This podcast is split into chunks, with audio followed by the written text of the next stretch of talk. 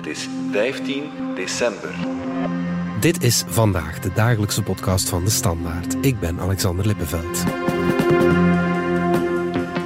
Goed nieuws uit Dubai deze week, want er is een klimaatakkoord. We gaan weg van fossiele brandstoffen en de groene energieproductie moet op zijn minst verdrievoudigen.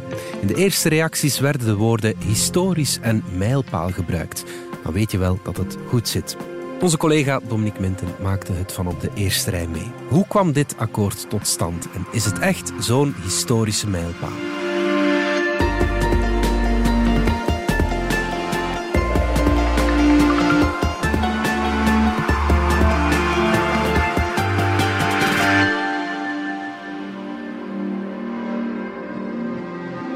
Hearing no objection, it is so decided.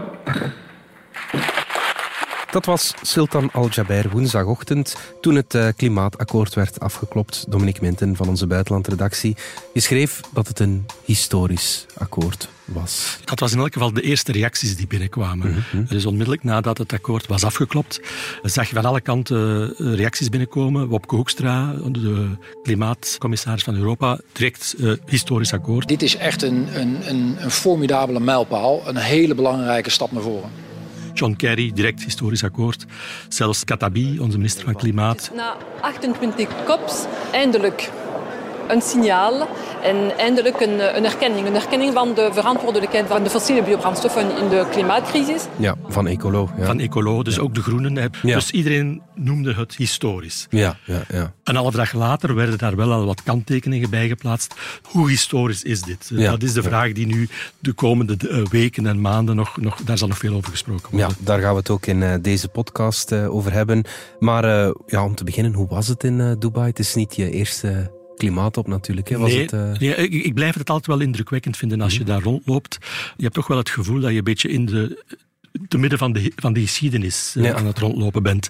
We echt belangrijke vergaderingen hebben achter gesloten deuren plaats. Mhm. Maar heel veel vergaderingen uh, zijn ook open. Je kan daar binnenstappen. Ja. Je ziet ook mensen als John Kerry gewoon door die gangen lopen. Dus als je eenmaal in... De Amerikaanse klimaatgezant is dat. Ja, inderdaad. Je voelt wel dat je tussen de vergaderingen door mensen kunt spreken ook, Mhm. die je ook wel op de record wat dingen zeggen voor wat er echt achter de, de schermen aan het gebeuren is.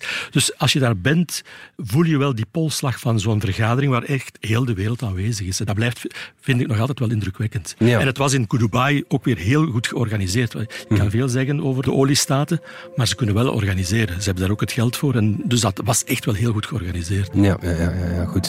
Laat ons misschien even uh, terugspoelen en kijken hoe dit klimaatakkoord op die 28 20ste klimaatop tot stand kwam. Je zat daar twee dagen langer dan voorzien, want er was een eerste ontwerptekst die werd uh, afgeschoten. Hè? Ja, Hoe dat klopt. kwam dat? Dat was op maandag. Uh, iedereen zat toen al te wachten op wanneer komt de voorzitter, dus Sultan Al-Jaber, Mhm. met zijn tekst waarover dan iedereen moet gaan beginnen discussiëren.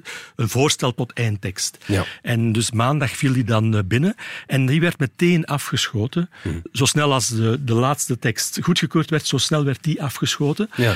Ook door de Europese Unie bijvoorbeeld, ook door de Amerikanen. En want het zijn toch die, die twee blokken die het voortouw namen. Zij wilden eigenlijk een, een ambitieus akkoord hebben. Ja, ja, ja. Een akkoord waarover dat vooral zou focussen op de fossiele brandstoffen. Mhm. Want daar ging het eigenlijk over in, in, in Dubai. Wat gaan we nu doen met die fossiele brandstoffen? Mhm. Daar is nog altijd geen akkoord over. En zij wilden, dus Europa, de VS, maar zeker ook die kleine eilandstaten, Mhm. die vormen eigenlijk een coalitie van, van ambitieuze landen. Die wilden dat er in die tekst zou staan dat we nu eigenlijk moesten beginnen, dat de wereld nu moest beginnen met het uitfaseren van die fossiele brandstoffen. Dat, over dat woord ging het eigenlijk. Een Ja. phase-out Ja. of de fossil fuels. Ja, ja om dat En- heel concreet te maken van we moeten er vanaf. We moeten er vanaf en op een ambitieuze en snelle manier. Ja, ja, ja. En dat stond er helemaal niet in. Dat woord stond daar niet in. Eh, Face-out. Er stond wel in dat we stilaan moesten beginnen met het afbouwen van die fossiele brandstoffen. Maar op de manier waarop we dat moeten gaan doen, dat was eigenlijk een palet van, van opties, van mogelijkheden, heel vrijblijvend. Ah ja, ja, ja. En dat maakte dat eh, dus die ambitieuze landen vonden dat het veel te weinig was. Nog even luisteren naar eh, Wopke Hoekstra, de Europese eh, commissaris voor de Green Deal. The text as it now stands uh, is disappointing. Overall, it is clearly insufficient and not adequate to addressing the problem uh, we are here to, to address. En dus toen werd dat meteen afgeschoten. Je voelde in die tekst erg dat uh, Al-Jaber onder druk stond van de olielanden. Maar die wilde dat niet. Die wilde absoluut niet uh, dat die face-out-frase uh, formulering in die tekst stond. Mm -hmm. De Saoedi's uh, waren daar uh, de bad guy, die spelen daar de bad guy. Mm -hmm. En ik hoorde dan ook vanuit de Europese hoek dat de Saoedi's echt heel boos waren dat, dat Europa, maar ook de VS en, en, en die ambitieuze landen daar maar bleven op aandringen, op die phase-out. Ja, ja. En ze zeiden van, het zal er niet Want dat komen. is natuurlijk ja, hun bread and butter. Daarmee doen ze het. Ja, ja, ja, dat is, als je ziet ja. de inkomsten uh, Saudi-Arabië, driekwart van zijn, van zijn inkomsten komen uit olie. Ja. Uh, dus ja, je begrijpt ook wel dat zij daar een beetje voorzichtig, dat ze daar zenuwachtig over worden. Toen dat maandagavond werd afgeschoten en ik las jou, uh, jouw analyse, dan, dan dacht ik wel, ja, het zal er wel niet van komen. Het zal er wel niet van komen. Hè? Nee, maar ja. er is toch een akkoord. Ja, ja, dus inderdaad. Je kan je natuurlijk ook de vraag stellen, was dat een beetje uh, tactiek? Hè? Want er worden ook tactische spelletjes gespeeld. Hè? Uh-huh. Was Europa zo streng omdat ze voelden van oké, okay, we moeten nu even doorpakken. Uh-huh. Zo verhogen we de druk op de voorzitter om met een meer ambitieuze tekst te komen. En ik denk wel dat dat inderdaad gespeeld heeft. Hè? Dus de Europeanen, maar ook de Amerikanen hebben heel duidelijk gemaakt van er moet echt iets ambitieuzer uh, gesproken worden. Er moet, uh, die tekst moet ambitieuzer worden, want anders gaan we inderdaad naar een no-deal. Mm. Ik hoorde dat ook op de record zeiden Europeanen mij dat van als het echt moet, zijn we bereid om, om uh, zonder akkoord naar huis te gaan. Ja, ja, okay, ja. Er worden natuurlijk tactische spelletjes gespeeld. Ja. En dan ook zanderendaags kwamen dan bijvoorbeeld de, de OPEC-ministers, de ministers van de olieproducerende landen, die kwamen samen in Doha, in, in Qatar, 500 ja. kilometer verder. Mhm. En die leverden daar een verklaring af, waarin ze zeiden van uh, olie en gas zullen de komende decennia nog pilaren zijn van, van de wereldeconomie. Ja. Dus zij zetten ook opnieuw die, die hakken in het zand. Ja, ja, ja. En dus je voelde dat, dat Al-Jaber voor een heel moeilijke evenwichtsoefening stond op dat moment. Maar hij is er toch in geslaagd om daarmee iets te doen, want er is een akkoord. Wat, wat staat daar precies wel, in? Wel, die dinsdag, eigenlijk op de dag dat het eigenlijk moest landen, ja. gebeurde er eigenlijk heel wel niks. Allee, toch niet in de frontline. Dus die hele dag heeft hij samengezeten binnenskamers met Hm. alle delegaties. Zijn lang, de belangrijke delegaties zijn bij hem langsgekomen. Mhm. Amerikanen, de Europeanen opnieuw, de Saoedi's.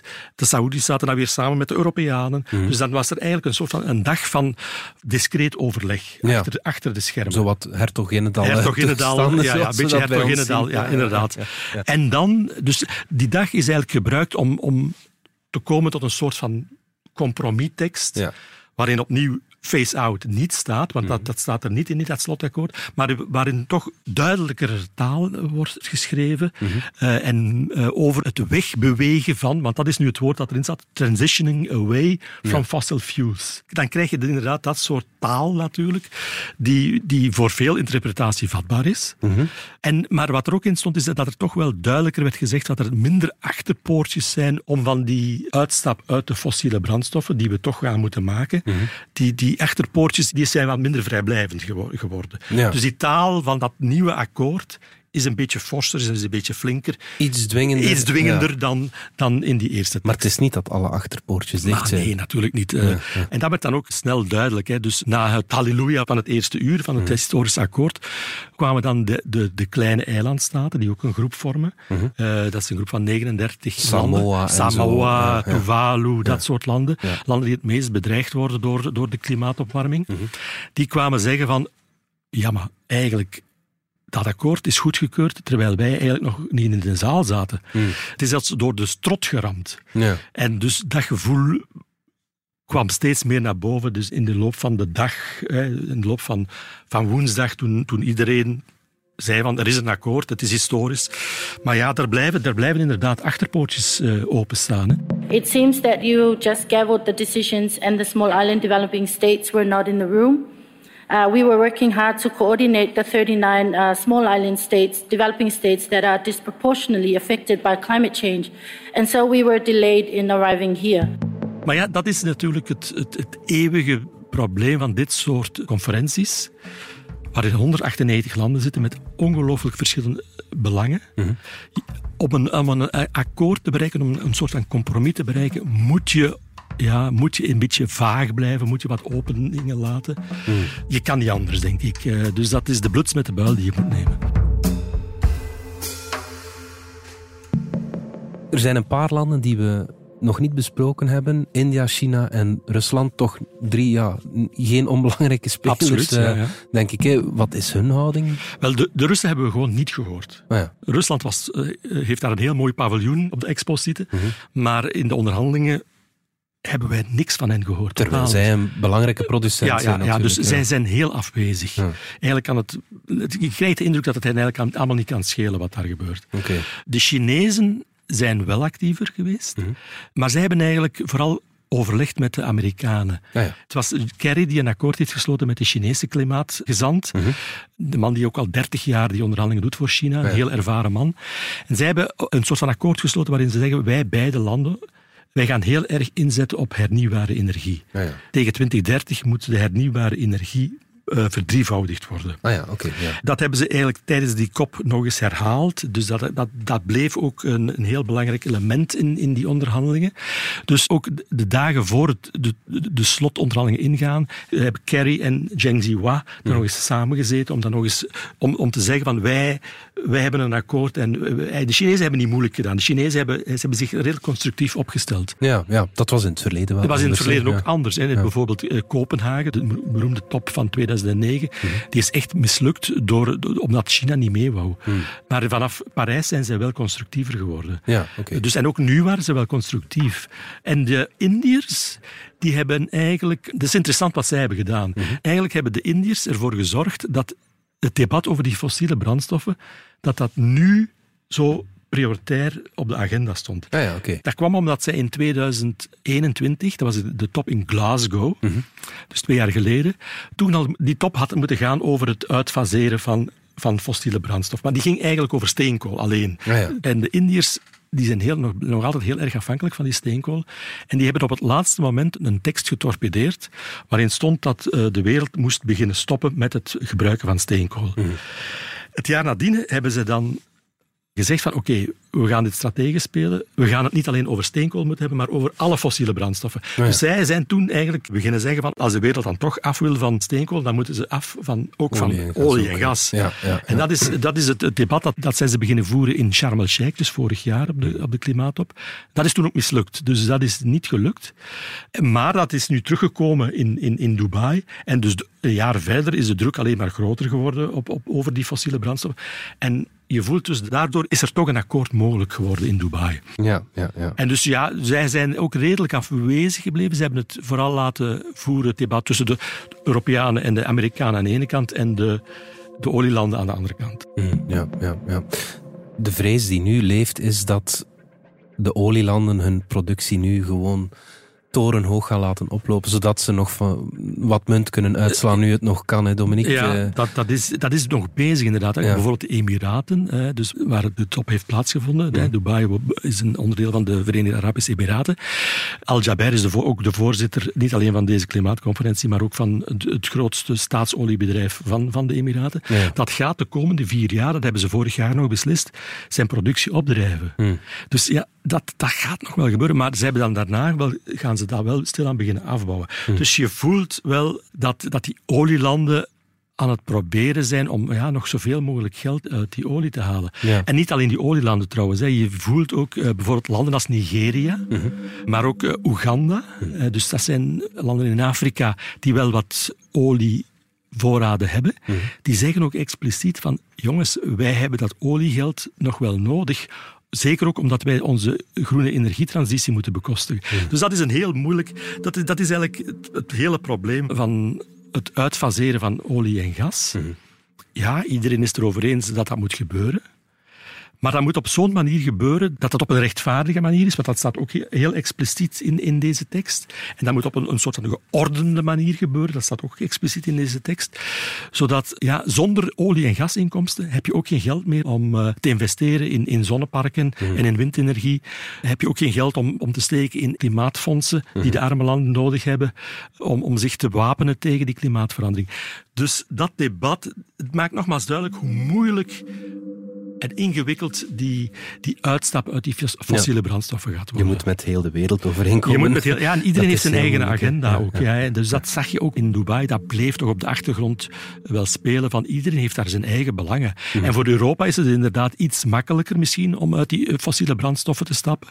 Wij, wij zijn er al mee bezig. Wij staan heel erg ver in, met die Green Deal. Die, Dus wij hebben onze, onze plannen wel op, min of meer op orde. Pas op, want als ja. Poetin de olie of de gaskraan naar Europa dichtdraait, zoals hij vorig jaar heeft gedaan, dan is het wel paniek in, in, in Brussel en in alle Europese hoofdsteden. Maar het is ook wel gebleken dat die paniek relatief is. Rel anderhalf jaar later. hebben we dat ook weer onder controle. Maar we zijn nog wel, pas op, je moet ook wel weten dat wij dan in allerijl gascontracten zijn gaan afsluiten in Qatar, uh, waardoor gas uh, nu naar Europa gaat en niet naar Pakistan, waardoor in Pakistan er een tekort is aan gas.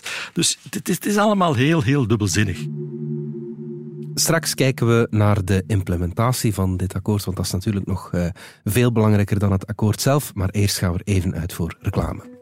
Hippe energiedrankjes, pikante Amerikaanse snacks en de joggingbroek die iedereen wil. Help TikTok jongeren aan een koopverslaving. Ontdek het antwoord in Overmorgen. Een boeiende podcast van DS Extra en Ads Data. Host Thomas Smolders verkent de wereld van data, privacy en gepersonaliseerde advertenties. Luister nu via de DS Podcast app of je favoriete podcastplatform. Dominique, terug naar jou. Voor we naar die implementatie kijken, wil ik toch nog even vragen, die olie en gas, dat gaat nu enkel om energieopwekking. Gaat dat ook om bijvoorbeeld ja, de chemische sector? Moeten die ook Ah, hun plannen op, op lange termijn wel, maar in de eerste plaats gaat het nu inderdaad om olie en gas in de energiesystemen. Mhm. Maar dat staat letterlijk ook in de tekst dat tegen 2050 we naar een netto nul uitstoot moeten gaan. Ja. Dus naar een klimaatneutraliteit. Mhm. Dat betekent ook wel dat sectoren zoals de chemische nijverheid, mhm. De chemische industrie, dat die op termijn ook wel weg moeten bewegen van, van olie en gas. Maar zij liggen niet in de frontlijn, dus zij krijgen wat meer tijd. Het gaat in de eerste plaats om de energiesystemen. Ja, oké. Dat is misschien voer voor volgend jaar. Of, ja, dat gaat, ja, dat gaat zeker terugkomen in de komende jaren. Ja, ja, ja. Al-Jaber zei in zijn slotspeech: het akkoord is maar zo goed als zijn implementatie.